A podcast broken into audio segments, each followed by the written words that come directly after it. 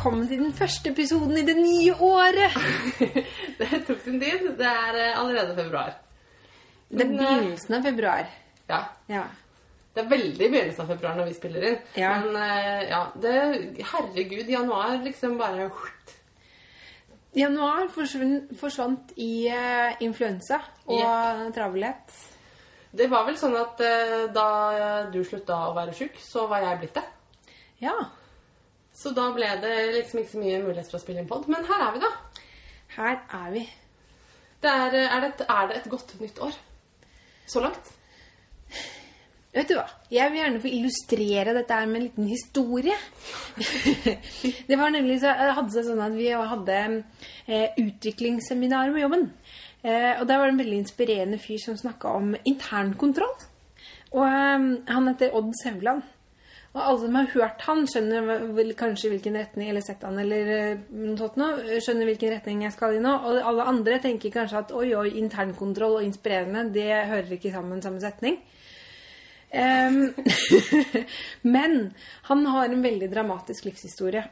Og eh, jeg var, kom inn der liksom sånn der jeg grinte tenåring og bare 'Å, mamma tvang meg til å være med'. og så sa han det. Det er alle dere som tenker at 'Å, mamma tvang meg til å være med'. Dere trenger å høre dette her. så han traff litt sånn helt fra begynnelsen av. Og så var det en setning han sa etter Jeg ser for meg at du hadde caps bak fram og tygde tyggis. ja. Men jeg satt nesten på første Jeg vet det, det var, det var verre. Jeg satt på nest første rad og, Og nystrikka. Ja. Men du vet at strikking er den nye tyggis? Ja. ja. Men, eh, ja, men jeg hørte veldig nøye da på det han eh, sa. Og det, Lærere kommer inn i klasserommet nå og sier sånn Ta og så Legg bort eh, strikketøyene nå. Og alle kidsa bare «Mm. Hadde det vært så vel? Det var sånn, Egentlig. sånn var jeg da jeg var 16. Ja. Sorry, Ah, ja. avbrutt. Ja, nei, nei. Han eh, kom også med en setning eh, ikke så langt ute i foredraget sitt, eh, hvor han sa at hvis du er en sånn person som alltid har det travelt, travelt, travelt, travelt, og aldri har tid til noe som helst, da gjør du noe innmari feil. Og så kan det være at han brukte litt mer sånn kolorert språkbruk eh, i den setningen der. Men så ble jeg litt sånn Hæ? Men det er, det er jo meg. Jeg har det jo alltid travelt, travelt, travelt. Og jeg har tenkt på det. Det er litt rart at man skal ha det travelt, travelt, travelt hele tiden. For man har, jo, har det jo travelt når det er travelt. Og så har man det vanlig når man ikke har det travelt. Ja, Hvis ikke det finnes noen kontrast til travelheten, på en måte. Nei. Ja. Så eh, jeg jeg, altså jeg misunner jo også veldig sånne mennesker som går rundt med en sånn eh, indre, alt, evig indre ro. Men jeg tror kanskje ikke de fins. Eller kanskje de gjør det. Jeg vet ikke. Jeg bare, Noen ganger så tror jeg at de folka som ser ut som de har indre ro, har liksom indre kaos. Det er bare at jeg er innmari gode på å holde maska. Jeg føler liksom at jeg alltid løper rundt som sånn hodeløs høne. Bare, «Jeg er så stressa, jeg er så å. Men jeg har jo ikke barn engang. Eh, og da tenkte jeg at dette her, det er jo livet mitt. Det er jo nå. Det er jo ikke noen grunn til å gå, løpe rundt og være Det har vi lært av. Skam. Livet er nå. Ja, fa ja. Det, det Marte. Ja. Uh, det er helt sant, altså. Nei, så nå tenker jeg at jeg må omprogrammere meg selv. Jeg strikker ikke dødsmye, og jeg prøver å liksom gjøre én ting av gangen og gjøre den skikkelig og sånn. Og da blir det ikke så mye tid til overs til strikking. Men eh, ja. Det, det føles som det funker litt, da. Gå på yoga. Så flink du er. Ja. Yoga er fint. Jeg har eh, kjent Eller jeg må, jeg, må innrømme, unnskyld, jeg må egentlig innrømme at jeg skrev disse notatene her eh, sånn to uker ut i januar, og nå Og er da hadde du vært på yoga. Vært siden. Og i de to ukene imellom så har jeg klart å glemme den igjen. Men altså, jeg, nå, nå, skal jeg tilbake igjen. Så ja. Mm. Jeg så når jeg sa det ble litt lenge, da du sa at du hadde gått på yoga. ja. En liten løgn der. Ja men jeg, jeg, jeg var på yoga på tirsdag, faktisk. Oi, men det er Hei, det var jo nettopp. Det var torsdag i dag. Ja. Hva er det du snakker om? Nei, men altså um, Ja. Eh, en ting jeg forresten tenkte på, var at eh, vi eh, er skikkelig dårlige på å si i begynnelsen av hver episode at liksom Hei, dette er en podkast om strikking. Og sånne ting. Oh, ja. Fordi det, Hvis folk hører på det for aller første gang, så kanskje de bare er sånn Oi, hva er dette? Ja. Men de eh, klikker ikke på det uten å vite at det er en podkast om strikking. Det har jeg liksom litt vanskelig jeg, har- ja, Men da, folkens, dette er en podkast om strikking, og denne episoden skal handle om strikking. Og litt andre ting, Sånn selvutvikling og sånn. Eh, Jeg har også kjent på travelheten i, i januar, og den ga seg et ganske sånn um, uvanlig utslag for meg, da. Nemlig at jeg mista min eh, Hva skal vi kalle det? Strikkemojo. Min drive, liksom. Jeg har alltid liksom ledd av folk som snakker om at de mister strikkeinspirasjonen. Fordi jeg er sånn herre Ha-ha, det gjør ikke jeg. Men det gjorde jeg. Så plutselig så var det sånn at det gikk kanskje en uke, og jeg hadde liksom strikka sånn en maske her og der, altså ikke noe ordentlig i det hele tatt. Jeg ble sånn åh, deppa av det. For jeg har jo lyst til å strikke. Jeg har jo strikkebehovet, på en måte. Men hadde ikke jeg noe jeg ville strikke? Og det er også veldig pussig. Men, eh, men det, jeg tror det hadde mye å gjøre med at Altså, jeg har jo begynt litt ny jobb. Eh, Det vil si, jeg underviser på Høgskolen i Oslo, og jeg underviser i ting jeg aldri har undervist før. Og det betyr at det er en ganske ny hverdag. Altså, jeg underviser jo i noe som er innenfor faget mitt, men jeg har aldri undervist eh, barnehagelærere før, og det gjør jeg nå. Det er kjempemorsomt. Men det er en annen, et annet perspektiv, da. Som er gøy, men det tar litt mye hjernekapasitet noen ganger å sette seg inn i ting og sånn. Og da bare kjente jeg at eh, det eneste jeg ville gjøre når det var liksom et uh, hull i planen, det var å bare høre på musikk og ikke tenke. Det er ganske digg å ikke tenke. Ja, Faktisk. og greia er jeg kan jo også ikke tenke når jeg strikker. Um, det finnes jo mye sånn, det som jeg kaller for hjerneløs strikk, som man på en måte kan bare strikke uten å tenke. Men uh, ofte så er alle prosjekter uh, trenger litt sånn tenking i startfasen. Mm. om ikke annet så liksom bare sånn, hvor mange masker skal du legge opp?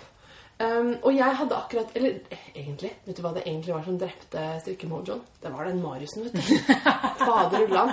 Etter den, jeg liksom festa den siste tråden, Ja. og bare så uinspirert. Vet du, det er jo klassisk antiklimaks. Ja, så var det litt sånn der, ok, goodbye genser. Og så var jeg ikke noe keen på noe mer. Men eh, det er jo en, en eh, god eh, slutt på denne Mojo-tapshistorien. Ja. Fordi den har kommet tilbake. Fy, nå pusta alle letta ut, for de bare Åh, tror vi kommer til å slutte å lage podkast. Nei da, det eh, Jeg har fått huet litt over vannet og er ikke så stressa egentlig. Jeg for tida. Jeg har det fint. Men eh, jeg tror også at jeg har funnet et, eh, en årsak til som jeg syntes var veldig fint å finne. Det er nemlig sånn at jeg har strikka opp innmari mye av stæsjet mitt. Jeg kjøpte jo ikke noe garn i 2016 i det hele tatt. Vi strikka ganske mye i 2016. Det betyr at det er ganske mye av det garnet jeg hadde hjemme, som er borte. Um, det er nå sånn at jeg har ikke nok på en måte av samme type til å strikke noen av de tingene jeg kommer på at jeg vil strikke, hvis du skjønner. Altså, jeg vil strikke Jeg kjenner på et behov for eh, sånn helt sånn enkle, halvtynne gensere som man kan dra utenpå. Men jeg har ikke nok i én garnkvalitet eller farge til at jeg kan bare lage det av det som er hjemme. Nei. Og da er jo løsningen å kjøpe garn. Og det har jeg ikke gjort på veldig lenge siden. nå. Jeg har ikke gjort det ennå, men jeg gleder meg så innmari. Nå går jeg rundt og tenker at nå, nå skal jeg kjøpe garn. Og det vil si at jeg har veldig mye potensielt garn. Og det er nesten bedre enn å ha kjøpt garn. Fordi at det kan være så mye. Det kan være så mye forskjellig. Det kan være hva som helst. Det kan være ull, det kan være mohair, det kan være silke, det kan være DK, det kan være tynt og tykt og ja, glansfullt og fluffy. Å, så deilig! Jeg gleder meg veldig. Jeg skal ut og kjøpe garn. Jeg må bare finne tid i mitt eh, stramme skjema først. Eh, Men da blir det, blir det eh, garnkjøp. Og så den genseren som jeg sitter og har på meg akkurat nå, den har jeg vist fram på, på Instagram. Den er eh, en, et restegarnsprosjekt. Men jeg er veldig fornøyd med den.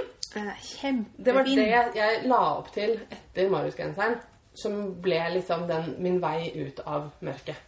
Den er en genser med trekvart lang arm, som er strikka etter innfallsmetoden. For jeg orka som sagt ikke å tenke, så det var litt sånn Jeg legger opp noen masker, jeg øker litt her, jeg strikker litt raglan. Nå er den sikkert lang nok. Oi, der var det tomt for garn. Da ble det trekvart arm. Sånn.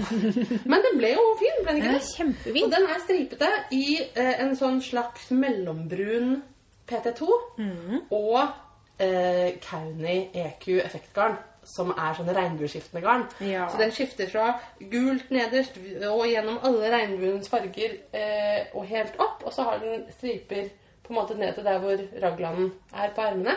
Og så har den brune ermer og så litt regnbue på mansjetten igjen. Og jeg har brukt den masse siden, og den sitter liksom ah, sånn veldig behagelig. Ja, den er veldig, veldig fin. Den er liksom eh, smal, men ikke trang. Og ja, den ser liksom veldig behagelig ut, rett og Det slett. superdigg. Og så er det veldig deilig at jeg, at jeg ikke trengte å gjøre nesten noe matte i det hele tatt. Så hva vil du si egentlig er liksom det som jeg, nå, nå høres det litt ut som denne genseren her, den var nøkkelen for å få deg ut av eh, Jo, men det var litt det også fordi at man blir Altså, man blir seriøst innmari glad av å strikke regnbuegarn.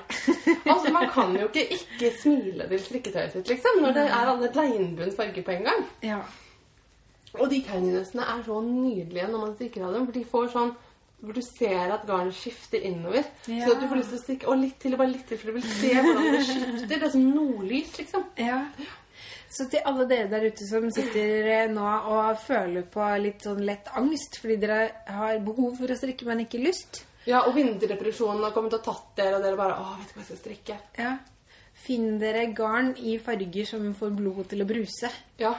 Og Ja, strikk det du har lyst til å strikke, ikke det du mener du burde strikke. du er så vinterdeprimert at du ikke klarer å gå ut av huset, bestill uh, Kauni EQ på nett, sånn som jeg Ja, gjorde, fra ja. to damer. Fikk sånn bitte, bitte, bitte liten pakke i posten, og bare Hva i all verden er dette? To damer, de selger garn på nett. Å ja.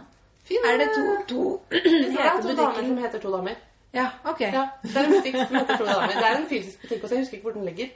Men de selger også på nett. Okay. Men det som var veldig morsomt, var når jeg fikk den i posten, så var det en sånn bitte, bitte, bitte liten øh, pakke. Så jeg skjønte ikke hva det var. Hva er dette? um, og så var det øh, over 200 gram kauni inni der. Nei. Det var bare at det var vakuumpakka. De har som suger ut all lufta. ikke sant? Så det var sånn mini, mini liter. Og det var kjempegøy, for når jeg uh, kutta opp plasten og åpna, så bare Så kunne jeg se de nøstene bare vokse opp i sånn For de er jo ganske store, de nøstene. De er Ja, sånn, det sånn, det. ja, så stor omtrent. Det ser jo alle podlytterne godt for det her. Som, Håndball. ja, litt mindre.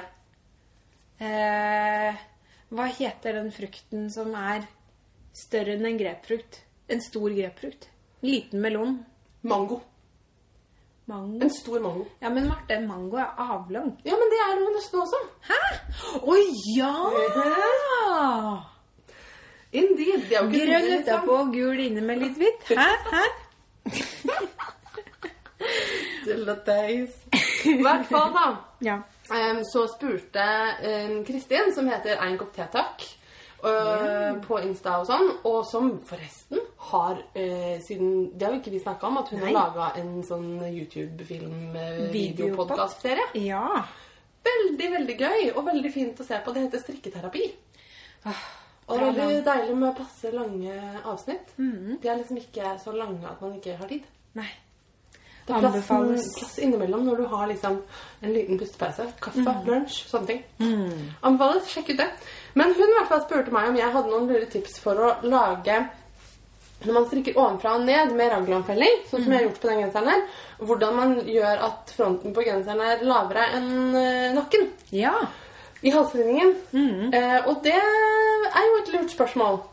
Og jeg har lært hvordan man gjør det ved å bruke den eh, på en måte utregningsnøkkelen som heter eh, The Incredible Custom Fit Raglan Ja. på Ravelry, som vi, har snakka om mange ganger før. Og den er sånn hvor du plotter Du skriver inn um, strikkfastheten din og, og målene Målene. dine, og så regner det rett og slett ut hvordan du skal gjøre det. Den forteller deg hvordan du skal regne det ut. Veldig, veldig enkelt, så Man trenger ikke være noen sånn mattegeni. for Nei, det er kjempe, kjempe, kjempelett. Men det Ja. finnes også det som heter Ragland-kalkulatorer på nett. Ja, ja. Men det som den Incredible Custom Fit gjør, som jeg syns er så fint, det er at den forteller deg Eller den lager den der dippen foran. Ja. Og nå har jeg strikka den så mange ganger at nå trenger ikke jeg å konsultere den oppskriften lenger. Særlig ikke når jeg strikker i dette garnet. PT2, som jeg kjenner ganske godt etter hvert. Um, men det er i hvert fall sånn at man legger opp um, nakkemaskene, for å si det sånn, Ja. bakstykket. Og så legger man opp noen få masker på hver side for begynnelsen av ermene, altså der man skal eh, øke ut da, for å skape plass til skulderen. Og så legger man opp bare én maske på hver side til front. Og så strikker man fram og tilbake. Mens man begynner å øke på raglan-økningene. Og så øker man på hver side foran samtidig. Og når man på en måte har økt eh, nok til at du har eh, strikka en bit så mye som du vil ha den høyere baken foran, da, for å si det sånn, da kan du legge opp eh, resten av maskene. Og hvis du vil ha V-hals, så må du bare fortsette sånn helt til de, du har lagt opp alle maskene ved å øke. Og så eh, begynner du å strikke rundt i stedet for å strikke fram og tilbake. Og det er veldig lett og veldig, eh, blir veldig fint. Og komfortabelt. Det, Jeg tenker på den genseren som jeg har på meg nå. Den eh, begynte jeg ovenfra å strikke ned, og så ville jeg ha eh, Den har litt sånn halvhøy hals.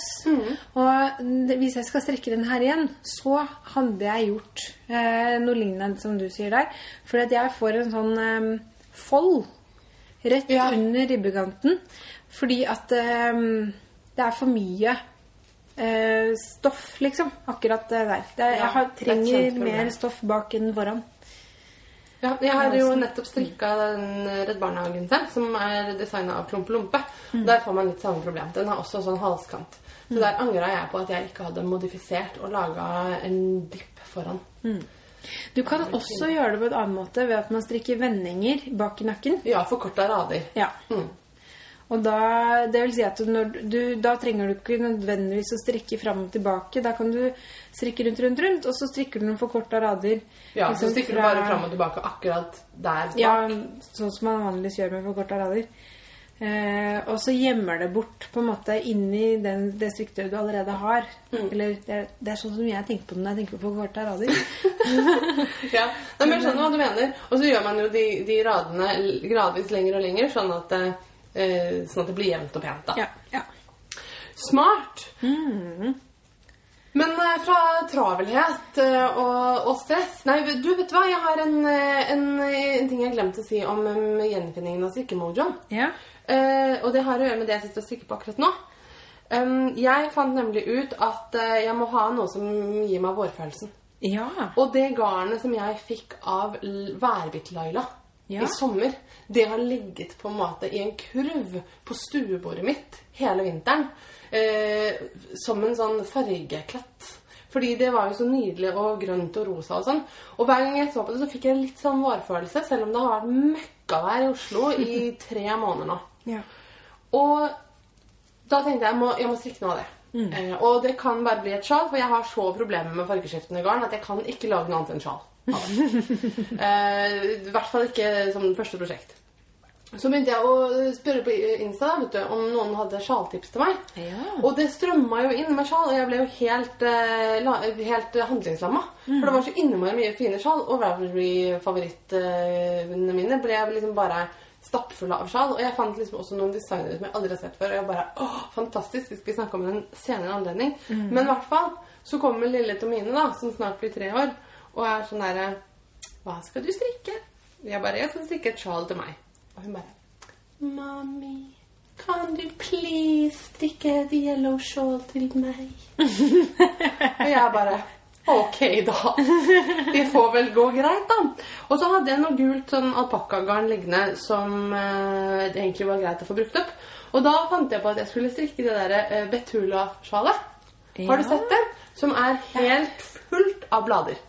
Det er innmari trendy å strikke blader nå. Alle driver og strikker løvlig og løvsprett og løvfall og løv... Løv og løv. Hver gang jeg hører løvsprett, så tenker jeg på neglesprett. Og så tenker Ja. jeg au, au, au. Um, men i hvert fall så er det Betula er uh, designa av Clara Linnea. Ja. Svensk eh, designerske og eh, tilknyttet eh, Solkustens spinnverkstad. Um, ekstremt mange fine koftedesigns. Blant annet er det hun som står bak den Siri-strikkejakka. Oh, Og den har jeg planer for. Den er så vakker. Men i hvert fall så har jeg sikla litt på det sjalet. Altså, Jeg har ikke sikla på det sånn fysisk, men eh, ja, du skjønte hva jeg mente. Ja. Jeg syns at det var veldig fint. Men så har jeg tenkt Nå fikk jeg et bilde i hodet, da. det var det jeg fikk, skjønne. Eh, Nei, så har jeg tenkt litt sånn Men det er så omstendelig. Og så tenke så mye. Jeg har tenkt. For det tenker jeg alltid når jeg ser på uh, strukturmønster. Ja. Selv om uh, det er veldig langt fra realiteten i dette tilfellet. Men så tenkte jeg at hvis jeg stikker ut sjal til Tomine, altså et Betula størrelse tre år, da kan jeg sjekke ut om jeg orker å stikke et helt til meg. Ja. Og det var en kjempegod idé, fordi det var jo superfort. Vi ble ferdig på to kvelder. Og hun ble så fornøyd og glad og sånn. Eh, Det er foreviga på Instagram et lite gult sjal med, med lilla kant. Og da skjønte jeg jo at eh, det mm, bladmønsteret, det er jo såpass enkelt at når du har liksom strikka en runde med blader, Mm. så kan du bare legge bort det mønsteret, liksom. Det er derfor jeg elsker strukturmønster. For det er ikke vanskelig. Nei, det er jo virkelig ikke det. Dette her er, det er virkelig så uvanskelig som det kan få blitt. Dette er sånn som jeg ville anbefalt til noen som allerede har gjort det før. For det, det, du ser hva det er som skal skje nå, liksom. Hele tiden. Eh, Det er sånn at man kan sitte og strikke på det og spille inn podkast samtidig, fordi det er akkurat det jeg gjør nå. For jeg la jo da sporenstreks opp til et Betula-sjal til meg selv i værbitgarnet. Ja. Åh, det ser nydelig ut. Og det er faktisk litt samme effekten som å strikke med, eh, med regnbuegarnet. At eh, man blir litt sånn glad inni seg av å ha sånne fine farger. Ja. Det er litt sånn Ja, dette her er Det går fra grønt til rosa. Det er som å se på en liten bit av våren, liksom. Ja, det det. Tenker, hvis, hvis våren hadde vært en ispinne, så hadde den vært de fargene der. Hvis våren hadde vært et sjal, så hadde det vært dette. Ja, ja. Så det, Men det var eh, slutten på min eh, Mojo-historie. Nå er The Mojo is back, og jeg renner over av planene, Marte. Jeg blir litt sånn derre jeg, og det, jeg er hodet fullt av gensere og jakker. Og jeg vil strikke et rosa sjal i veldig mykt garn fra Nina Petrina. Å ja. ja. har såpass detaljerte planer. Og en poncho. It's impossible to be unhappy in a poncho! Så det er planen. Uh, og uh, alt mulig annet. Mamelukker. Ja. Uh, strømper. Jeg vil strikke strømper med rose på. Ja vel? Har du Ja. sett uh, Kamabornia-videopodkast? Nei. Den anbefaler jeg også. Den er veldig chill, Ja. rett og slett. Ha. Litt lengre episoder, så må man sette av litt mer tid. Men Mm. eksempel hvis du har litt influensa, så kan du se det. Ja. Og så spiller de Staring at Cows, som er veldig fin musikk. Ja. Og så har hun uh, designa et par sokker som heter eh, et eller annet sånn 'Drømmen om Gotland' eller noe. Ja. Og de har rose på. Og det ble, ble jeg veldig inspirert av. ja. Ja. Greit. Jeg er også relativt inspirert om dagen, kan du si. Ja. Tross en travelhet. Det er et godt tegn, da. Ja, ja, ja. ja. Men nei, ja, ja eller nei. Eller er det sånn du dealer med travelheten? Du bare tenker på Ja, isteden? det har jeg ikke tenkt på. Kanskje. Um, det er jo på en måte Det er veldig deilig å være full av inspirasjon. Jeg elsker det, den delen av dette her. Men samtidig så er det veldig frustrerende når jeg ikke får strikka nok av det jeg har tenkt på. Og kanskje det egentlig er det som er det deiligste. Når man liksom har masse lyst, men man har ikke tid. Så man blir liksom holdt igjen litt. Men det som skjedde, var at jeg ehm, strikker på noe som egentlig er jo, denne podkasten her den kommer ut før eh, Nei, etter. Jeg strikker på en bursdagsgave akkurat nå. Til en, eh, en medstrikkerske. Eh, så, og så eh, tenkte jeg Jeg har 20 nå, eller nå har jeg faktisk 18 dager på meg til å strikke ferdig den gaven. Og hva kan jeg få til på 18 dager? Ok, jeg må strikke et sjal. Um, jeg skal kjøpe det garnet der. Og så, nei, ja, det er vanskelig å komme seg til den butikken. Vanskelig, vanskelig, vanskelig. Jeg fikk jo Nei, jeg fikk ikke. Jeg kjøpte egentlig. Du fikk jo deg sjæl. Jeg fikk av meg sjæl eh, noen garn som jeg hadde sett på et bilde på Instagram. Og så møtte jeg en dame som da solgte dette garnet til meg. Og så ble jeg litt skuffa, for fargen var ikke like fin på bild, i virkeligheten som jeg syntes det var på bildet. Og så var det på en kone, og eh, det endte med at jeg dytta den her ganske kjapt ned i sofaen. Og tenkte ikke noe mer, særlig mer over det. Og så tenkte jeg kanskje det er på tide at denne konen nå blir et sjal til eh, denne personen som den trenger en bursdagsgave. Ja. Så jeg nøsta det opp i går og bare Marte, Men det er det Jeg du strikker på nå. er forelska. Ja. Men hvordan i all verden, Marte, kunne du synes at den fargen ikke var så fin? Den er jo helt fantastisk. Den er helt fantastisk. Og det som er veldig morsomt, er at du sier det når du sitter og har på deg en genser du har strikka i nesten identisk farge, bare nøstebarnull, fordi at du falt så innmari for den fargen da vi var på strikkefestival i Bergen. Ja, men Nå er- stiller du meg til veggs her. Den andre fargen på genseren til Martha er vinrød, sånn som alt det andre Martha eier. Ja. Eh, Men jo, den, det sjalet der, og for så vidt genseren din nå, er Ja. litt sånn farge som er i slekt med den Pickles Purewell-fargen som heter Fjelltopp. ja. Litt sånn blågrønn, frisk, fresh, kjempevakker. På engelsk så kaller man den for Robins egg blue. Ja. Kan det stemme? Og det er fordi at de har akkurat den fargen. Ja, det er så pent navn. Åh, kjempefint. Man får enda mer lyst til å strikke den. Ja, den er helt fantastisk. Og vet du hva, garnet? Det er jo noe som jeg egentlig burde ha tenkt meg for lenge siden. Det er Huldra fra Hillesvåg. Og bare, kjære Hillesvåg, kjære Hillesvåg, jeg elsker dette garnet. Det er tynt, rein ull, men altså det er kamgarn, så det er lange fibre som er blanke. Og liksom, det er nesten sånn at det ser ut som det er liksom silkeblanding Ja, i dette her. Det, det garnet det minner meg aller mest om, det er faktisk den silkeullen til nøstebarn. Ja.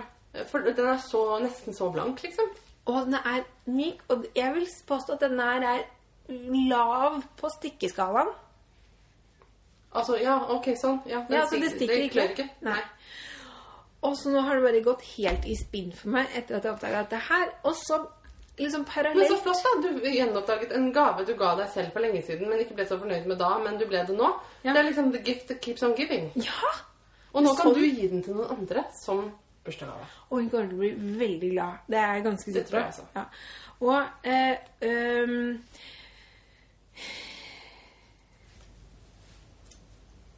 nå, nå, bare, nå gikk det en sikring opp her. Ja, jeg så det. Du så ut som eh, roboten i Westworld når de sier, Ja, ja. eh, når de sier Hva er det de sier for noe? De sier eh, et eller annet når de skal stoppe, og så bare stopper de. Ja. Driver og ser Westworld. Veldig kult. Ja, ja. Nei, jo, altså, fordi, så jeg måtte liksom inn på nettet og kikke og styre ordne og så videre. Og så må jeg, altså, jeg, jeg har egentlig bestemt meg for at jeg skal utelukkende strikke av norsk ull, norsk garn og så videre, så mye som bare overhodet mulig. Eh, huldra er ikke nødvendigvis hun, norsk, 100% norsk ull, men det er farget og spunnet i Norge. Norge. På Hillesvåg. Og Hillesvåg, ja. gjør en god jobb på den fronten, altså. Ja. Og så er det en million forskjellige farger. Og så parallelt til at det var det jeg skulle si, så tenkte jeg på at eh, jeg Det har ikke jeg sett for meg da jeg tenkte på bryllupet og satte tidspunktet for feiringen. Hvilket bryllup da, Marte? Eh, mitt! Ditt, ja! Ja! For det kommer snart. I mai! Ja, ja, ja, ja. ja. Eh, Uldra skal gifte seg. Ja, ikke sant?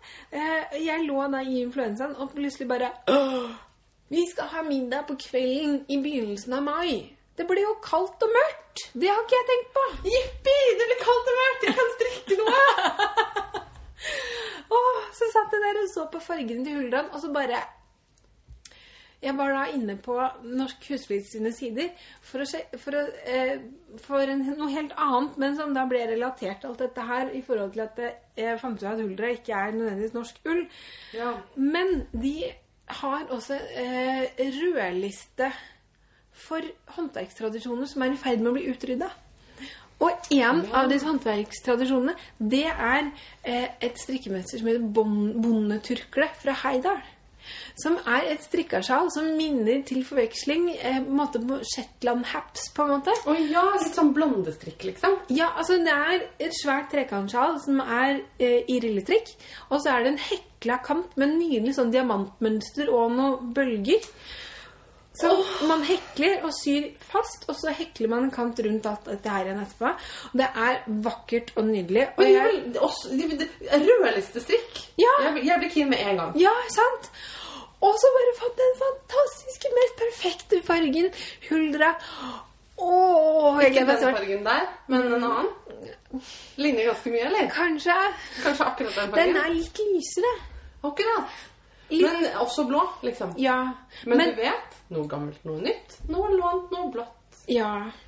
Men det er bare Jeg tenker at det, de der konene med 200 gram Det burde være gram også noe du har laga sjæl. Ja.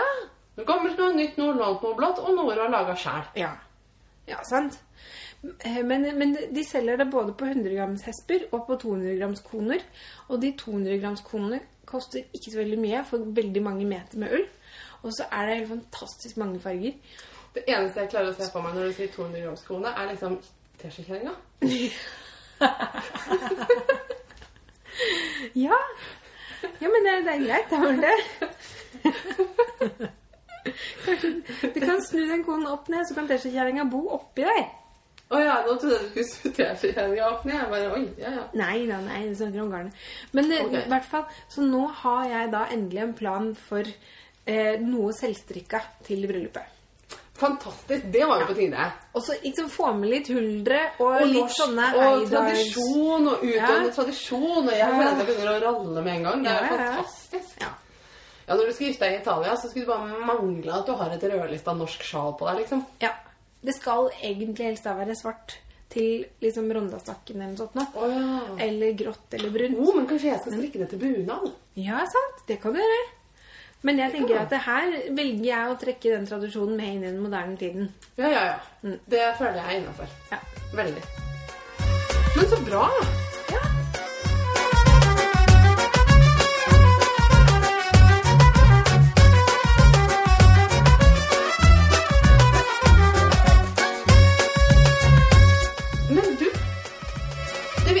Skal snakke om i denne podden her Altså, det vi egentlig skal snakke om, er jo strikking, og det gjør vi jo hele tiden. Ja. Men hva er det for noe mer vi skal gjøre i dag? Vi skal snakke om bøker. Bøker! Bokpod! Ja. Strikkebokpod. Ja. Og det er jo litt fordi at vi plutselig har eh, fått litt bøker. Ja, vi har fått tilsendt litt av hvert. Sikkert i håp om at eh, vi skal snakke pent om det. Og det skal vi kanskje gjøre. Og kanskje ikke? fordi folk liker oss Det er det. og har lyst til å gi oss bøker. Ja. Jeg blir så glad når jeg får bøker. ja. Jeg er veldig glad i bøker. Og andre ting jeg blir glad i på garn òg. Ja. Så det syns jeg hinta. Jeg mente ikke egentlig det. Men for all del, gi meg garn hvis noen vil. Jeg tror kanskje ikke det er noen som tviler på at vi liker garn. Å ja, nei. Det har vi kanskje gitt uttrykk for før. Men vi har en liten stabel med bøker her hver. Ja. Og den første vi skal snakke om, er på en måte et par. Fordi vi fikk eh, to bøker av, um, av Julia Scott da hun var her og snakka med oss uh, i høst. I november. Du har sett på bok én, og jeg har sett på bok to. Ja. Den første boka den heter 'Stikka detaljer som gjør en skilnad'. Og den er skrevet av Ulla Enquist. Eh, den kan, man kan kjøpe disse bøkene på Adlibris for eh, ca. 230 kroner. Fant jeg ut. Eh, vi er ikke sponsa av noen her. Vi, eller vi, vi har fått disse bøkene. Bare så det er nevnt. Ja, men vi sier hva vi vil om det. Ja. Det har jeg faktisk eh, Det er veldig fint at eh, bøker er unntatt den der eh, håpløse tollregelopplegget som som Ja. Norge har. Man kan kjøpe bøker på nett uten å betale toll. Det er Av en eller annen merkelig grunn så er det sånne ting. Men det er veldig fint, fordi at bøker er veldig kjekt å kunne kjøpe på nett. Og det betyr at man kan bestille svenske bøker fra Adlibris, f.eks. Mm. Hurra for det. Ja. Hva syns du om den eh, boka, da? Jo. Altså, de to bøkene, Kan vi si litt om forskjellen på de først? For det er jo Ulla Enquist som har skrevet den jeg sitter her med også. Og den heter 'Egna modeller og flere detaljer'. ja. Sånn at hun er jo en sånn eh, hemsløyddame som er, har utdanning fra hemsløyden. Og jeg har skrevet ned noe som står om henne her. Altså at hun er eh, de små detaljenes mestere, står det om i, i smussomslaget her. Um, og opptatt av Ja, ikke sant? De små detaljene ved strikketøy. Som er det den første boka handler om først og fremst. Og den andre boka, som jeg skal snakke mer om om et øyeblikk, den handler om uh, hvordan man kan lage sine egne plagg, konstru plaggkonstruksjon mer.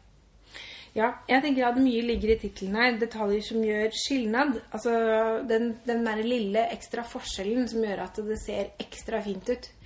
Eh, og eksempler på noen av kapitlene det er et kapittel om opplegging, et om felling, kantmasker eh, og økninger.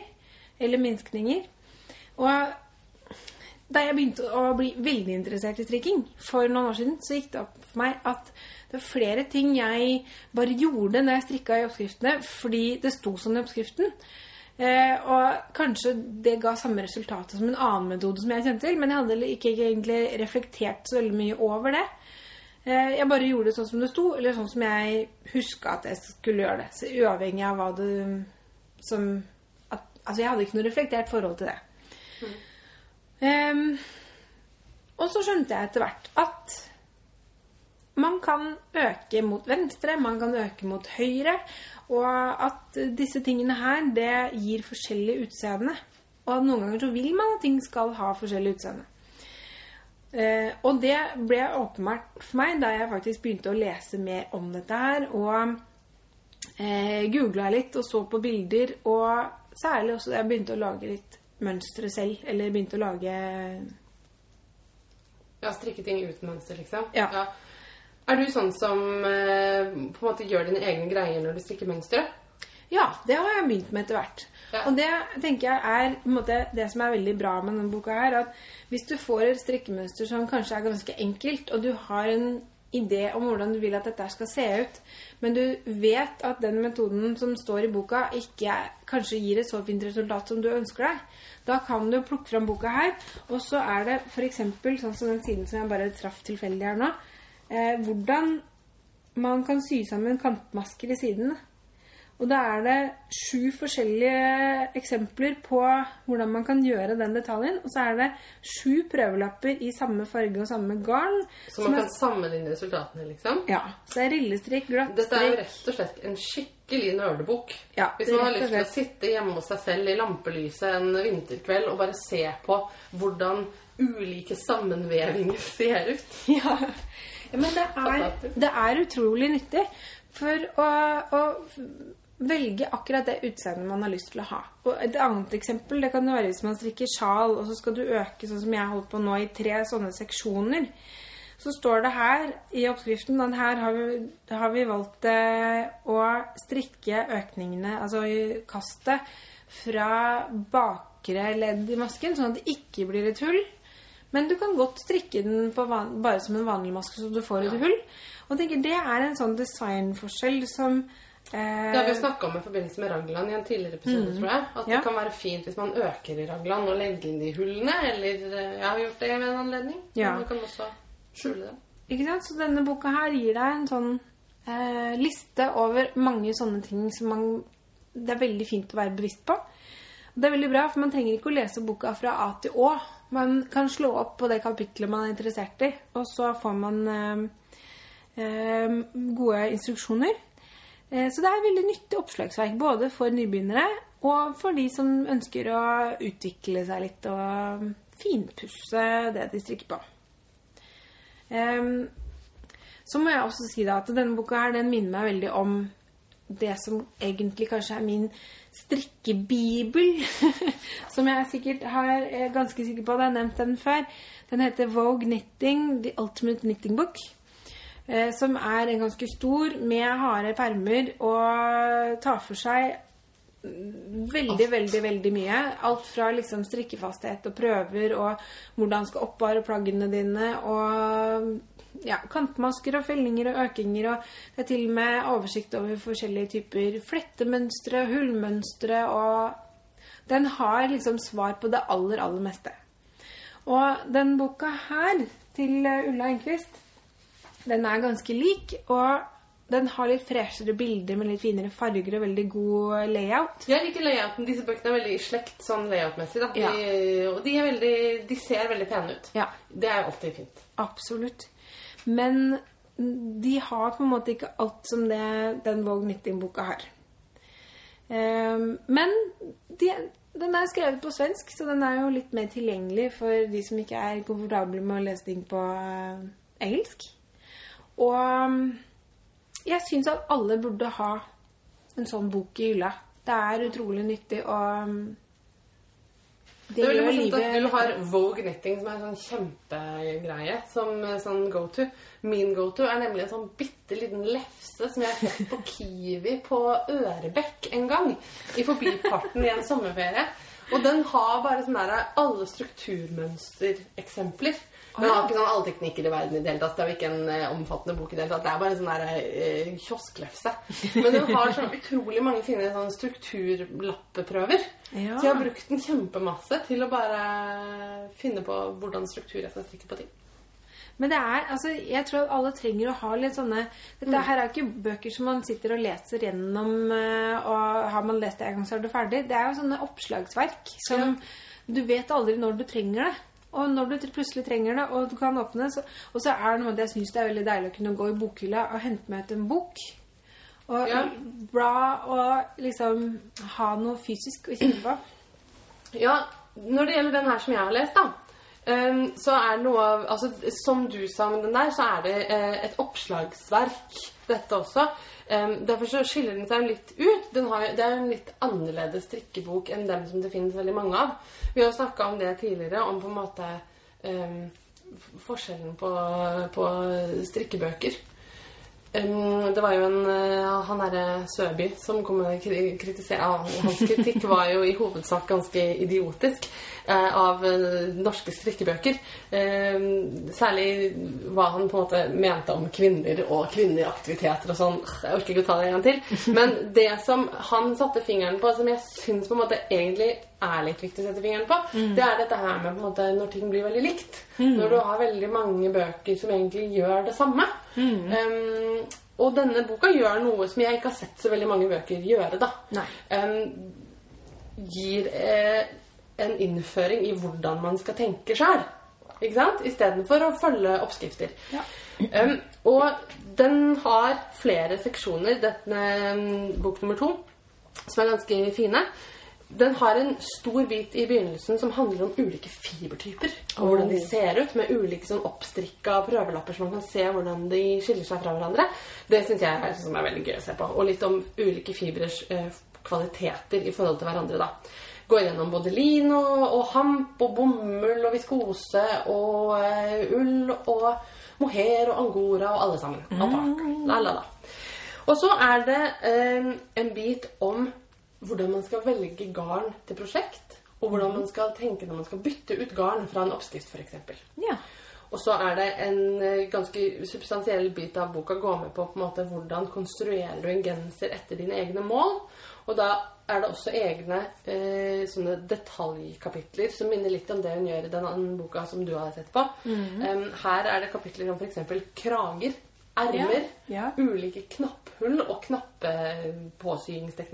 eh, Lommer og sånne ting. Og en ting som jeg synes var veldig kult, er at bakerst her så er det noen tabeller eh, hvor man kan på en måte beregne i en tabell hvor mange masker man må øke og sånn. Altså du finner Ja. Ut ifra strikkefastheten din så kan du eh, se på en måte på hvor mange masker du må øke fra hals til, eh, Ja, til ja. linning og sånne ting. Ikke sant? Ja. Um, så det er veldig Det er veldig fint, og jeg syns at alle de beskrivelsene som er gitt, er veldig gode og lette å følge. Nyttige tips. Samtidig så føler jeg Du sier at det er veldig godt å ha en bok i hylla. Jeg følte kanskje litt at det er en bok som ikke helt treffer min generasjon. Litt. At jeg bare alltid bare finner det jeg trenger på nettet. Og at liksom telefonen min er alltid lettere å finne YouTube-video av hva som helst som jeg lurer på, liksom. Men da må du sitte og se ned i en sånn knøtteliten skjerm. Med altså, myse og sånne ting. Jo, en annen ting sånn- er at jeg bare Jeg leser jo strikkebøker først og fremst for inspirasjon. Det er lenge siden jeg ga opp tanken om at jeg skal drive og strikke ting fra alle strikkebøkene jeg, kjøper. Fordi at det er Så mye tid finnes det ikke i verden, liksom. Um, men jeg leser dem og øh, lager noen ganger plagg som på en måte er synteser av mange forskjellige plagg fra ulike bøker. da. Og det kan jeg ikke bruke denne boka her til. Um, Jeg tenker helt motsatt av det. Det er jo, akkurat det du skal Nei, fordi at alle de modellene som er strikka og tatt bilde av i denne boka her, de er like på en måte. Alle sammen er sånne boksgensere. Ja. Og det virker som om på en måte standardgenseren, den genseren du skal lære å konstruere til deg selv, den, har, den er strikka i deler og sydd sammen. Og jeg bare, jeg tenker ikke sånn. Jeg tenker ett stykke. Mm. Eventuelt eh, eh, Ja, jeg, jeg tenker jo veldig rundfelling eller, eller raglan. Eller eventuelt rundstrikka og klippet opp og montert. da. Mm. Det kan jeg også være med på. Nei, men så jeg bare Jeg syns at eh, Jeg ser ikke den variasjonen som jeg tenker at alle de teknikkene som gjennomgås her, muliggjør. Jeg ser ikke den variasjonen reflektert i modellene i bildene. da. Nei. Jeg skulle gjerne sett den, fordi da, hvis jeg hadde sett den, så tror jeg jeg hadde blitt mye mer gira av å lese boka. Vet du hva jeg tenker på når du sier dette her? Det er at den boka til, som jeg nevner, eh, som dere sikkert er lei av å høre om hva, Hvilken tror du, Marte? Elisabeth Elizabeth Zimmermann. Zimmerman. 90-årene. Tears. Ja, Knitting Tears og Knitters Almanac. De, de er i stor grad akkurat det samme som det du sier her, bare at det er ikke bilder. Ja. Og den er Men de har jo jeg lest som de var romaner. Fra Ja. perm til perm. Men det kan man at hun skriver fantastisk godt og er og veldig mer sånn hysterisk morsomt Ja. til tider. Ja. Men jeg tror de bøkene sin styrke er nettopp det at det ikke er bilder som henger deg Som Ja. Så man ikke henger seg fast i noen slags tradisjon eller tid. Ja. Ja, Og at du ikke tenker sånn åh, men dette var ikke min stil. Fordi at bildene ikke er det. Fordi at de bildene som er, er de har såpass dårlig kvalitet at det nesten er umulig å se. Ja. Men også i Vogue Knitting-boka så er det ikke Den er jo laget på tidlig 90-tall, tror jeg. Eller 90-tallet et sted. Og det er farger og øh, form og alt. Det er ikke noe som nødvendigvis appellerer til meg. Men det som er poenget, er jo at du sitter der og har et prosjekt som du kanskje har en oppskrift på, som du ønsker å endre litt på, eller du lager din egen oppskrift, og så lurer du på hvordan får jeg til en ø, lomme som er skjult? Ja. Og så henter du opp den boka, og så er det en oppskrift der. Og så trenger du ikke å følge resten av hele den der eh, leksa, som- leksa som står der. Du trenger bare ta ut akkurat den biten der med informasjon. Og, det er det jeg bruker disse bøkene til. ja. Eh, og det syns jeg eh, Det er veldig nyttig de gangene man trenger det. Det er kanskje ikke så mange som trenger det ofte, men eh. Men det er absolutt en bok jeg ser verdien av å ha på hylla. Jeg ser verdien av å ha. Jeg tenker det liksom Altså. Ja, Trenger man den ene, denne detaljer som er en skilnad, eller trenger man denne um, egne modeller og flere detaljer? Ja. Jeg ville sagt at man faktisk egentlig trenger begge. Ja. For de utfyller hverandre. Ja, og du får på en måte ulike ting i de ulike bøkene, men de er veldig i slekt, da. Ja, det er det. Men de kan ikke erstatte hverandre. Fordi jeg De er til sammen Vogue Knitting, kanskje. Ja, ja, men ja, de er på en måte litt det. Og ja, det kan jo være Nå har ikke jeg gått inn og dypdykk og sammenlignet eh, liksom innhold for innhold. Men en, et kapittel om krager, for eksempel, veldig interessant. Mm. Ja, Hvis du skal eh, Jeg har tenkt for eksempel da på, til bryllupet. Istedenfor å strikke et huldresjal, så tenkte jeg på at egentlig jeg skulle ha en eh, Jeg hengte meg litt opp i liksom sånn 40-tallsstil Ja. i det siste. Og der har vi sett på noen filmer fra 40-tallet hvor de har sånne nydelige jakker som ikke har slag, men som går opp i Eller det er ikke slag eller krave, men altså den går litt opp bak i nakken. Ja. Eh, hvordan i all verden skal jeg klare å strikke det? Jeg har ikke funnet noen strikkeoppskrift som, som viser akkurat det, men tenkte at det kan jeg klare å mekke sjøl. Mm. Det tror jeg du kan. Og det, da hadde typisk vært eh, at akkurat til den nakken Da ville jeg kanskje gått og lest litt i en bok og funnet ut, funnet ut av, av hvordan jeg skal gjøre det. Og så kan jeg liksom bygge strikkeoppskriften ut ifra det videre. Fra oppslagsbøker til Ja. mønsterbøker. Ja. Vi har en mønsterbok hver eh, planlagt også. ja. Hvilken sitter du med der? Jeg sitter med 'Stikka svenska mønster' av Maja Karlsson. Og da må vi jo takke for de bøkene først, for de har vi fått av fine Karin. Ja Vi, vi fikk en hver, til og med. Ja, jeg eh, fikk bare en melding fra Karin lurte på adressen min. Karin eh, ble vi da kjent med eh, da Marte skulle feire sin eh, disputas. Hvor vi da ble... Eller egentlig var det vel da jeg skulle feire at jeg hadde levert. Ja, da hadde levert disputasen, så ble vi invitert. Vi ville ha strekketreff, og så ble vi invitert til å ha det på Folkemuseet av en, av en Karin. Og det var Karin. Det var Karin, det. Og så fikk jeg da eh, meld- Vi har jo truffet Karin mye siden sist. Masse. Siden det. Jeg har jo til og med starta band med henne. Ja, ikke sant? Eh, men jeg fikk da tilsendt en overraskelse i posten, som er et nydelig kort med noen eh, damer gam, eh, bilde etter gamle bilder fra Venezia.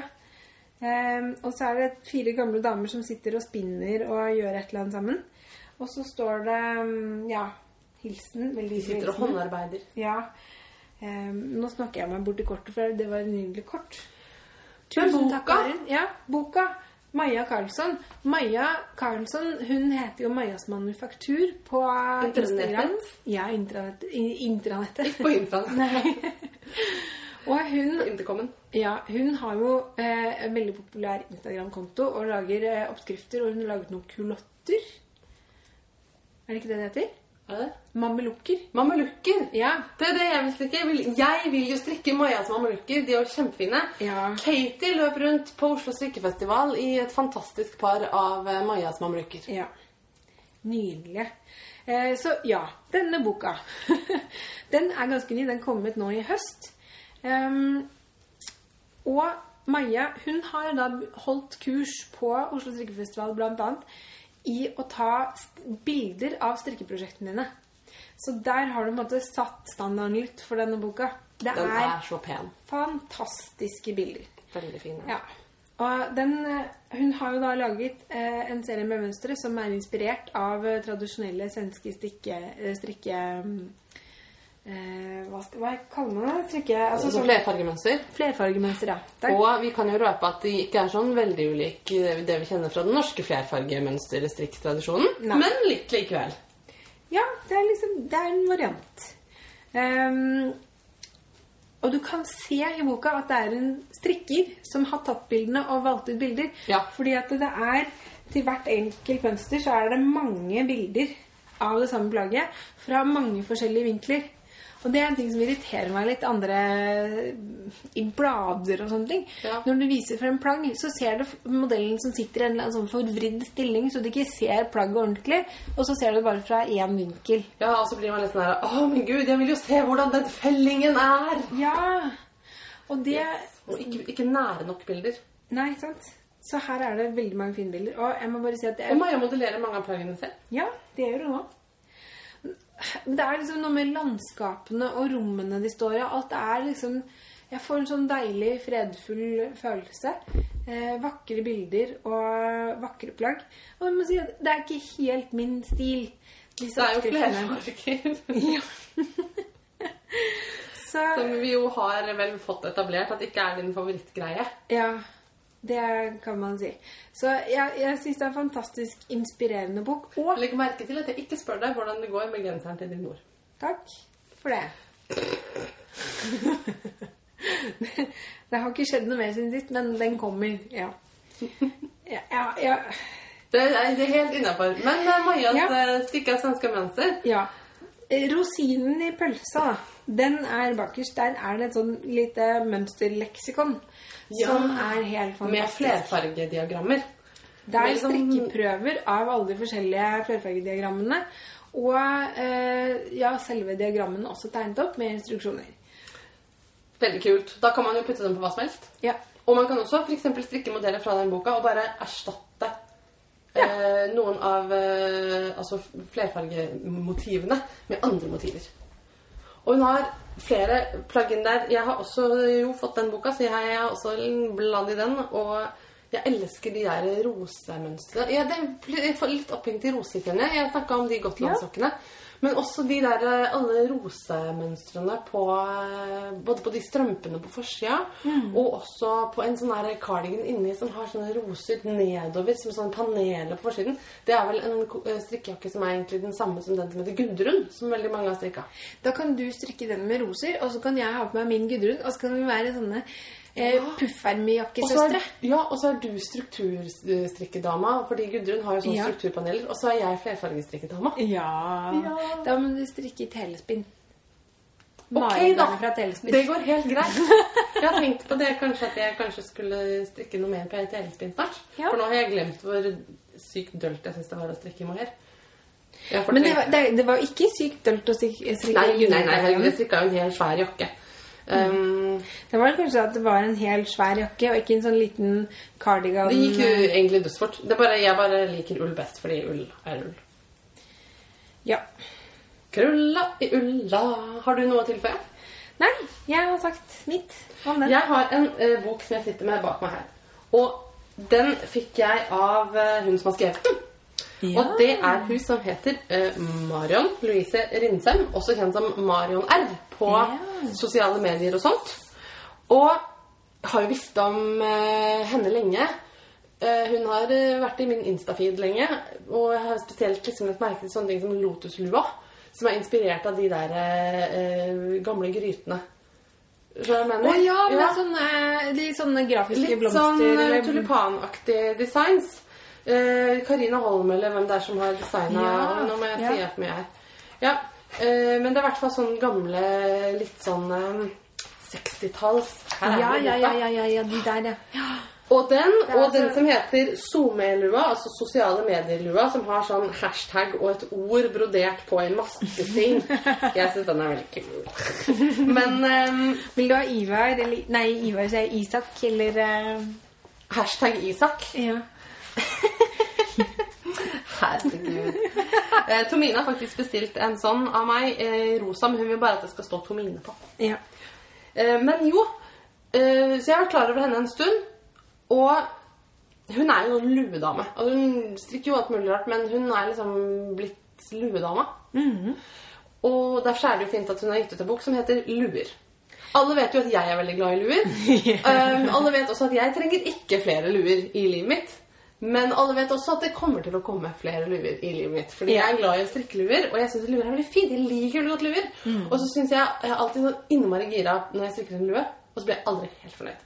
Så jeg jakter fremdeles på den perfekte lua.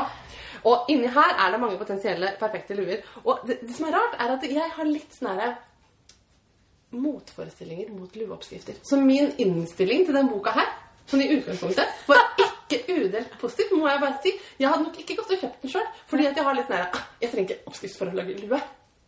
Og så fikk jeg den i posten, Ja. og så var det en litt dårlig dag, og så fikk jeg den i posten, og så ble jeg så glad, for den bare gjorde dagen min så veldig mye bedre. Og så har Marion skrevet sånn liten hilsen inn i skrevet sånn. God luestrikk, ikke sant? Og så bare begynte jeg å bla i den, og så bare Hallo, den er fantastisk! Jeg trenger denne boka! Så den uh, får ingen. Den er veldig fin eh, forside, syns jeg. Jeg syns at lua på forsiden er kjempefin. Den skal jeg snakke mer om, for det er nemlig kanskje min favoritt. Ok. Og det kan hende at jeg har en plan for den. altså eh, Jo, jeg kan ta det, da. Jeg, det jeg vil si. Jeg vil eh, liste opp mine favoritter fra lueboka Ja. til Marion R. Og eh, jeg syns at den her skal vi vite det der, Marte. Odin er veldig kul. Den har flerfargemønster i rillestrikk. Har du Ja. sett det før? Nei, jeg tenkte er den hekla? Nei, ikke sant? Ja. Og det syns jeg var så kult. Og det har jeg liksom ikke Man tenker liksom at eh, når man skal strikke flerfargestrikk, da skal det være eh, så, altså, Ja, rett strikk. Ja. Glatt strikk. Mens her er det da riller og flere farger. Og jeg syns at den, den strukturen ble så innmari kul. Ja, Så det kul. har jeg lyst til. Den heter Odin. Og så er jeg også liksom litt forelska i den som heter Hannalue. For den er sånn som egentlig Jeg elsker sånn stor, posete lue i perlestrikk. Veldig enkelt. Man trenger ikke oppskrift på den, men man trenger egentlig kanskje eh, eh, å se det bildet for å bli inspirert av den. Ja, for det var veldig fine farger. Det er en sånn klarblå stripe, og så er det en dusgul, lysgul stripe, og så er det mørkeblå øverst. Ja. Og det, liksom, det var noe med de fargene som var veldig Ja, det var veldig fint. Og hele formen, hvordan den lå, liksom. Ja. Og så liker jeg veldig godt denne som heter Trio. Oh, Og den har vimpelmønster på hele lua. Og en eh, sånn ribbestrikka kant i skikkelig kontrastfarge. Mm. Her er det gul på kontrastfargen, og så er det hvitt og svart på vimpelmønsteret. Og den er bare sånn Den er så grafisk og fin og tøff. Mm. Og så liker jeg den som heter påskelue. Det er kanskje den enkleste, en av de enkleste luene i boka. Den er jo bare helt glattstrikka med striper, men hver stripe er strikka vrangt, sånn at den står ut. Og I en annen farge. jo- I en annen farge, i en kontrastfarge, selvfølgelig. Og den var kjempefin. Den er også sånn posete og fin som gjør meg lykkelig. Og så er det da den siste favoritten min, som heter Løvlun. Og har jeg ikke bretta siden på den nå, da? Flere løv. Det er den som er på forsiden, Marte. Ja. Den er så fin. Hvordan skal vi beskrive den? Kan ikke du prøve å beskrive den mens jeg leter etter oppskriften? Den har hullmønster. Den er eh, altså for det første sånn nydelig rustfarget. Og så har den eh, ja, hullmønster i eh, hva skal jeg si, øverste delen av sånne gotiske vinduer. Ja, sånne små spisse buer. Ja, spisse buer. Som, Så enkelt strukturmønster, men og, sånn at hele lua blir litt sånn småhullete. ja. Så den er litt sånn um, Åh, den er så fin! Og er nå, Marte, Ja, nå ja. kommer det biten jeg ikke har fortalt deg om. For Åh. denne lua skal jeg strikke! Og jeg Til meg? Nemlig, nei, til meg. Men du har på en måte gitt den til meg. For jeg fikk nemlig et garn av deg til min, eh, til min disputas. Er ikke det det perfekte garnet til den lua? Er det ikke det? Jo, Og det funker med fasthet og sånn også. Ja. Dette som jeg sitter og holder i mine hender, er altså Madeline Tosh-garn. Det er mitt første Madeline Tosh, altså. Ja. Tosh Merino Light. 100% merino wool fingering weight. Og det er så mykt at du bare har lyst til å ligge inni hespe resten av livet. Og den er en farge Altså, den er jo brun, men den er på en måte mer gull enn noe annet. ja. Den, den er litt sånn flytende gull, på en måte. Den er litt sånn Litt sånn melert, kan man si. Ja. Og går på en måte fra eh, litt sånn gullgul til brun. Men jeg har vanskelig for å beskrive fargen engang, jeg, men den er kjempefin. Den minner mest om liksom eh, Ja, gull eller bronse eller noe sånt. Ja. Og så er det enkeltbundet tråd. Og det er litt blankt også. Mhm. Så den er, ja, det tror jeg å bli nydelig, Marte. Med den gaven så fulgte det et lite reagensrør med perler. yeah. Som passer helt perfekt med fargen. Så den lua må jo bare bli full av perler i tillegg. Men er du ikke enig? Jo. Men det som jeg lurer på da, er Dette her er, er et, eh, et spørsmål. Hva burde jeg gjøre da?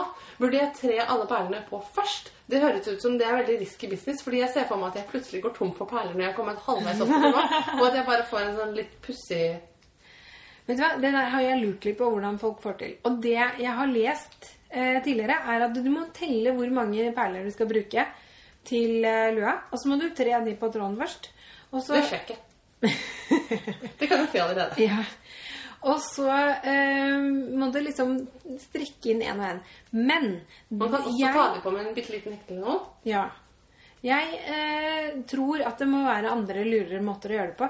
Og når du sier det, så er det en eh, på, nett, på Instagram og på nett i og for seg også, som jeg har sett, som heter Lerke Bagger. Som er en dansk eh, klesdesigner som eh, er ganske ung. Og greia hennes, det er strikkede plagg med Det er skikkelig sånn eh, rock'n'roll-glamour.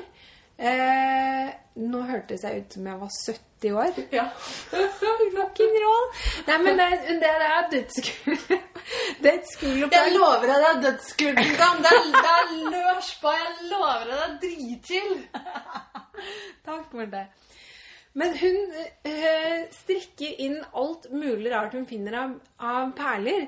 De er liksom tett, tett, tett, tett, tett, tett, tett på er tett genserne. jo Og dette må du sende meg lenke til. for det er spennende. Og det er sånne blanke perler, og det er legoperler, og liksom alle mulige slags Nå sånne må vi være helt stille, for nå skal lytterne få høre på perler. Det er perler. I reagensrør. Fint. Ja. Så jeg tror det må være andre metoder å gjøre det på. Dette kan vi finne ut av. Jeg stikker lua, ja, og så kan jeg sy den på etterpå. Å, Gud! Skal du sitte og sy en, Marte? Det er enda mindre sannsynlig enn at du teller opp før du Jeg tror vi må, vi må undersøke dette. jeg strikker lua, og så trer jeg litt på en strikk. Og så har jeg det på armbånd, og så har jeg det på en sokker. Eller Ja. så uh, strikker jeg lua, og så lager jeg eh, perledusk. Perledusk? Ja, Å ja, du liksom dusk, pom-pom, på toppen av lua med perler. Ja. Jeg vet ikke helt hvordan, men jeg tror det lar seg gjøre. Vet du hva, jeg vil ikke drepe din barnslige entusiasme her nå. ikke barnslige, barnlige. Det, det det Ja, en nei, jeg må bare se om eh, jeg, jeg skjønner ikke helt hvordan jeg skal få det til med perler. Fordi eh, som vanlig så har jeg også en sånn eh, motvilje mot å jobbe for hardt. det, det er eh, egentlig et eh, særtrekk ved meg som strikker. At jeg har en sånn, en sånn innebygd eh, motvilje mot å liksom gjøre for mye jobb. Jeg vil bare strikke og kose meg. Og hvordan jeg skal få til de perlene inn på en, på en fornuftig måte, det klarer jeg ikke helt å se for meg. Men vet du hva? Det er mennesker som deg og meg, som late mennesker også, som eh, får verden framover. Fordi at vi eh, utvikler metoder for å eh, bruke så litt energi som mulig. Eh, og det betyr at man forenkler ting også, kanskje. Ja. Det kom ut på en litt annen måte enn jeg hadde tenkt meg, men det er Jeg, jeg tror jeg skjønner hva, Ja. hva, hvor du vil. Du, Marte, vi må litt det grann blir videre. en sykt fin lue. Ja, den er veldig, veldig fin. Det eh, var alt jeg skulle si om den. Da har vi en ting til igjen å snakke om. Ja. Og det syns Det er en viktig ting å snakke om. En viktig Det er faktisk det. Og Det er ikke en bok. Nei. Det er et magasin. Ja. Uttale det du, Marte. Det er bladet Gåen. Ja. Fordi at det er, det er altså da sånn som man uttaler garn. Der hvor de som har laga bladet Garn eller bladet Gåen, kommer fra. Men det er skrevet med, med fonetisk lydskrift utenpå, som jo jeg som lingvist og nerd syns er veldig kult. Og det er jo da selvfølgelig fordi bladet er laget av Solveig Engvold Gaustad, som også er bedre kjent som Surrue, på eh, På Intercomen. Intercomen. og Unni Katrine Eiken. Og hun er også bedre kjent som Malsen og mor. Og en av disse to her er lingvist. Så det er jo hva? ikke så Det rart, Marte. er så mange lingviststrikkere. Ja. Men, Det er kult. Ja. ja vi, bare, vi kan egentlig bare sette liksom tonen her for hva vi tenker om dette bladet med en gang. Eh, Jeg er så imponert. Ja. Det er Gratulerer eh, dere to eh, mødrene til dette bladet med et knallfint blad, altså. Ja. Det, liksom, det minner litt om engelske pompom i format og type innhold. Og jeg er veldig, veldig glad i pompom. Men dette her Det føles liksom som vårt. Ja, virkelig. Ja. Og det er Mer enn hva PomPom-bladet gjør, på en måte. Det er ikke så Ja. rart, da, siden det er laga av norske folk for et norsk publikum. Og Ja. det er virkelig så fint, altså. Men det er jo ikke du som har laget det, det er ikke jeg som har laget det, det er jo noen andre. Og det en, men det føles likevel litt som mitt. Og jeg tenker Det er en helt fantastisk ting å ha fått til. Å liksom lage noe som jeg relaterer meg så mye til. Eh, som, som jeg gjør til dette her. Så har de tro klart å fylle et hull. Ja. Det er jo ikke sånn at vi hadde noe som lignet på dette fra før i Norge. Nei, nei, det er akkurat det. Og det jeg er veldig kult, er at vi Det er jo liksom eh, et uttrykk for eh, den strikkeverdenen som vi har her i Norge i dag. Og av norske, for norske, mm, eller ikke bare norske nødvendigvis, da, men altså på norsk, da. Og jeg syns det, det er så mange fine oppskrifter her også. Jeg har tenkt at eh, hvis jeg hadde hatt barn, så hadde jeg definitivt strikket en eh, Eivind-genser av Thea Rytter. Ja. Den eh, er en slags ribbestrikket genser, hvor eh, ribbene Når den kommer liksom på, ned på magen, Så begynner de å flette seg. ja, de fletter seg litt. Jeg syns den er kjempekul. Jeg har egentlig lyst til å lage noe til meg selv. Kanskje. Kommer kan den du i gjøre. voksenoppskrift? Du kan bare skalere opp. Det går fint. Ja. Og så eh, syns jeg at det sjalet som heter pløgsle Jeg vet ikke hvordan jeg skal uttale Pløgsle, det. mm. Som er ikke det på forsiden, men det som eh, er rett før, som er litt sånn litt mer ensfarget brunt. Da har jo vi vi som vanlig falt for hvert vårt sjal. Fordi Ja. jeg elsker det som er på forsiden, som heter glør. Ja. Med sånne Daisy-strikk eller stjerner eller hva du skal kalle det, i- striper. Og sånn som går i liksom en fargeskala. Det syns jeg var kjempefint. Det er helt nydelig. Absolutt. Eh, Det, det jeg likte godt med Pløgsle, var at det er, det er tre Det er et sånn eh, halvmånesjal. Og den nederste kanten har en sånn eh, Blonde. blonde på seg. Og så har den eh, Det er vel det navnet kommer av, sånne plogspor Ja, i jorda. Og så det neste feltet har en annen type struktur. Og det øverste feltet, nærmest halsen, har en tredje type struktur. Så det er liksom Det er en sånn fest i strukturstrikk. Det setter jeg pris på. Og jeg har falt, jeg må fortelle jeg har falt for et plagg til som står i dette bladet, uh, som jeg syns var veldig rart at jeg likte så godt. Uh, jeg skjønner ikke helt hvorfor, for jeg syns det er veldig lite meg. Og jeg skjønner ikke helt uh, hvorfor jeg liker det, men jeg liker det kjempegodt, og jeg skal strikke det. Det er poncho-blusen, hva heter den? Ja. Poncho-bluesen, i hvert fall. ja Men det altså- er, det, det er poncho-greia. Jeg er besatt av ponchoer på, eh, på en eller annen måte hele tiden. Ja. Sånn at når jeg ser noe som på en måte er litt ponchoaktig, så vil jeg egentlig bare ha den. Yin-yang poncho-bluse heter det. Altså, det, det jeg tenker Jeg Jeg hater ordet bluse Ja. omtrent like mye som jeg elsker ordet poncho. Sånn at jeg tror jeg kaller den for poncho-ponchoen. Ja. Ja. Poncho-ponchoen yin-yin. Det er jo Det er, ser kanskje litt ut som noe jeg kunne komme drassende med, fordi den er grå. Selv om jeg sjelden Jeg skal strikker noe. selvfølgelig strikke den i farge, tenkte jeg. Ja.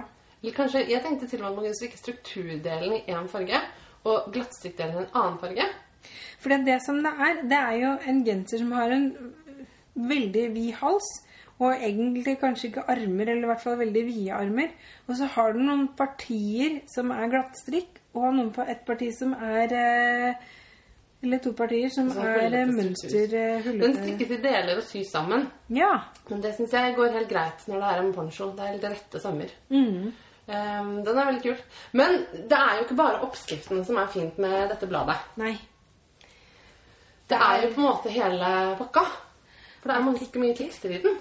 Jeg syns f.eks. den der artikkelen om tvebåndsvotter er veldig interessante. De er jo nydelige votter. Og så eh, tenker jeg at det- det er noe som jeg gjerne kan fordype meg litt grann i. Ja. Og så er det Gammel intervjuer og litt sånn tekster. Så det er et blad man kan sitte og lese i, ikke bare bruke som, eh, som eh, mønstre til, til å strikke. Og det er noe av det jeg syns er veldig fint. At det blir på en måte Det er mer enn eh, en- et hefte med strikkeoppskrifter. Eh, men det er også mer enn bare et eh, på en måte interesseblad. Fordi det har oppskriftene i tillegg. Og så er det noe med hele hvordan det er sydd sammen. Layouten er jo helt vidunderlig. Nydelig. Ja. Det er så enhetlig og fargemessig fint og sånn. ja. Jeg syns det er så kult at disse damene bare satte i gang. Ja, Altså, det er de- veldig inspirerende. ass. Ja, De var ute i sosiale medier for å samle inn penger fordi at de hadde lyst til å lage blad, men de hadde ikke penger til det. Og så har de bare gjort det. Og de fikk jo eh, en del eh, kronerulling fra eh, the community. Ja. Det viser jo at det er mulig, da. Ikke sant? Ja. Jeg syns det er veldig inspirerende. Og så har de gjort sånne Altså, de har laga et blad som på en måte er veldig det jeg vil ville ha. Skjønner du mener? Altså, det er et format som jeg tar med meg rundt. Jeg har hatt med meg det der bladet i hele jula. Det ligger i veska.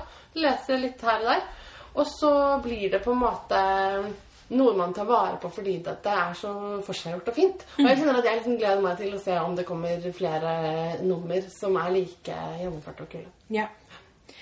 Uh, jeg, jeg tenkte litt sånn i min stille sinne at eh, dette blir kanskje litt sånn dugnadsarbeid og koselig à la det barna tar med hjem fra sløyden, liksom. Men det, er jo Ja, det er jo veldig langt fra det det er. Det er jo rett og slett bare skikkelig bra og proft Ja. utført. Mm. Og så er det noe annet enn de andre strikkebladene som man på en måte får tak i i Norge, da. Altså, Ja. det er ikke familien. Nei. Nei, altså, ja, jeg har kjøpt litt forskjellige sånne strikkeblader. Også engelske og noen svenske og litt forskjellig. Og det blir Det er mye av det som er um, kanskje spesielt engelske blader og sånn. Eller ikke engelske, men amerikanske er det sikkert mest. Ja, engelskspråklige, liksom. Ja, eng- ja. Som, det er mye som er litt sånn traust. Det er ikke oppskrifter som kommer med så veldig mye nytt, eller som er liksom noe som jeg føler at jeg har veldig lyst til å lage. Så veldig spent. Jeg glemte å nevne løkgenseren. Også en raglongenser med strukturstrikk. Litt sånn tett oppi halsen og med veldig interessant teksturmønster. Så liksom. Ja, men de ser jo ut som løker. Ja, de gjør det. Og jeg får litt sånn vintage-vibe fra den. Det er Mm. kjempefin. Jeg var ikke overraska over at du likte den veldig godt. Sånn. Den var veldig deg. Så jeg gleder meg veldig, veldig til eh, de neste numrene. Jeg har kjøpt abonnement og eh, gleder meg til det detter inn i postkassa. Kult. Vi eh, er gjennom eh, bokbunkene våre Ja. med et blad med der også. Hva skal du, hva skal du gjøre nå? Du, når du har strikka ferdig det sjalet du skal gi bort i gave, hva er, hva er det neste på strikkehorisonten? Vet du, jeg tror jo nok dessverre at jeg må starte med denne bryllups... Eh, Jeg tror du må bare hive deg rundt og gjøre det. altså. Ja, det kjennes som eh, om det er bråttom. Ja, det er bråttom. For hvem, ikke sant? Det er jo februar nå, og jeg skal gifte meg i mai. Og jeg Tenk hvis du ikke feil om å gjøre det på nytt. Du må Ja. ha tid. Ja. Sånn at alt annet jeg har liggende på vent, det må nesten bare vente. Det betyr vel egentlig, Marte, at du må ut og kjøpe garn? Jeg må faktisk det. Ja. Ja. Åh, du, vet du hva? Jeg har litt lyst til. Kanskje du og jeg skulle liksom ta oss en garnshopping? Ja. Jeg må på Pickles. Dessverre. Å oh, nei, å oh, nei, å nei. Ja. Så det må jeg jo nesten bare. Ja. Pluss at um, det hadde jo ikke vært feil å gå på Husfliden. Nei. Det Vi får ta en uh, liten date. En rett og slett. outing. Ja. Så Da kan vi kanskje ta oss fri fra jobben, for det høres ut som det kan ta litt tid. Åh, dream on. Ja. Ja. Yes, vi er eh, ved veis ende. Jeg skal gå ut i vinternatten. Kryss fingrene for at vi får snø snart. Jeg er så lei. Jeg er så lei. Jeg er så lei av at det har vært november siden november. Mm. På værfronten. Men eh, vi kompenserer med fargerikt garn. Ja. Takk for, eh, takk for i dag, Marte. Og så må jeg bare si, så alle hører deg også, tusen takk for pizza og kaffe. Det var det beste som har hendt meg denne uka, var den pizzaen vi spiste før vi spilte inn den podkasten her. Og det sier litt, for det var en ferdig pizza. Eh, Så det har vært en stressende uke. Men det hjalp nå, oss. Pizza, Eh, kaffe, strikking. Det hjelper alltid. Ja, det er moralen. Så eh, vi har jo snakka litt om sånn eh, Hva var det du kalte det? Selv... Oh, ja. ehm, selvutvikling. sånn selvutvikling. Ja, selvutvikling. Mitt beste sånn s- nedstressings selvutviklingstips, eh, det er pizza, egentlig. Ja, ikke kaffe, for det er i hvert fall eh, jeg, Jo mer stressa jeg blir, jo mer kaffe drikker jeg. Men Jeg merker ikke så mye til det der koffeingreiene. Jeg tror det er veldig oppskrytt. nei, jeg, blir, jeg merker ikke så mye til det sånn eh, akkurat i sånn der koffeinsjokk der og da. Jeg merker bare at jeg får litt vondt i hodet hvis jeg ikke drikker kaffe. Jeg det veldig godt. Ja, ja. Ja, ja, ja.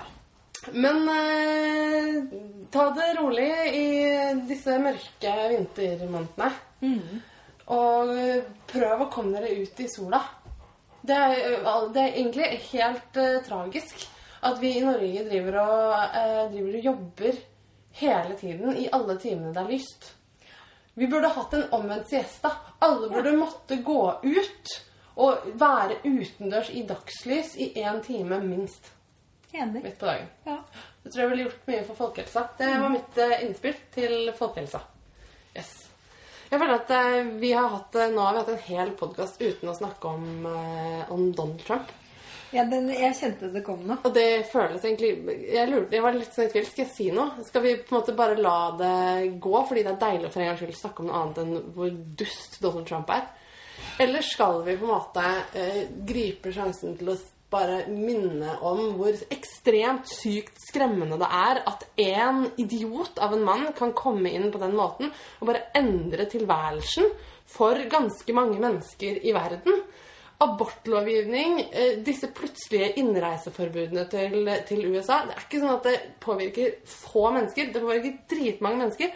Og for, for å ta abortlovgivning som eksempel Det at man plutselig kan bare skru tida tilbake flere tiår på den måten i et land som USA, som vi tross alt tenker på som et utvikla land Fy fader, altså. Nei. Så her er det bare å strikke pussyhats og strikke vaginaer og vifte dem rundt. Og se på den fantastiske videoen av Ashley Judd som leser diktet 'I'm a Nasty Woman'. Ja, det Det har jeg sett på hver eneste morgen denne uka her, og forrige uke. Og jeg sier, leser med henne og sier 'I'm a nasty woman'. Og on that note så sier vi takk for i dag. Ha det, Marte! Ha det, Marte!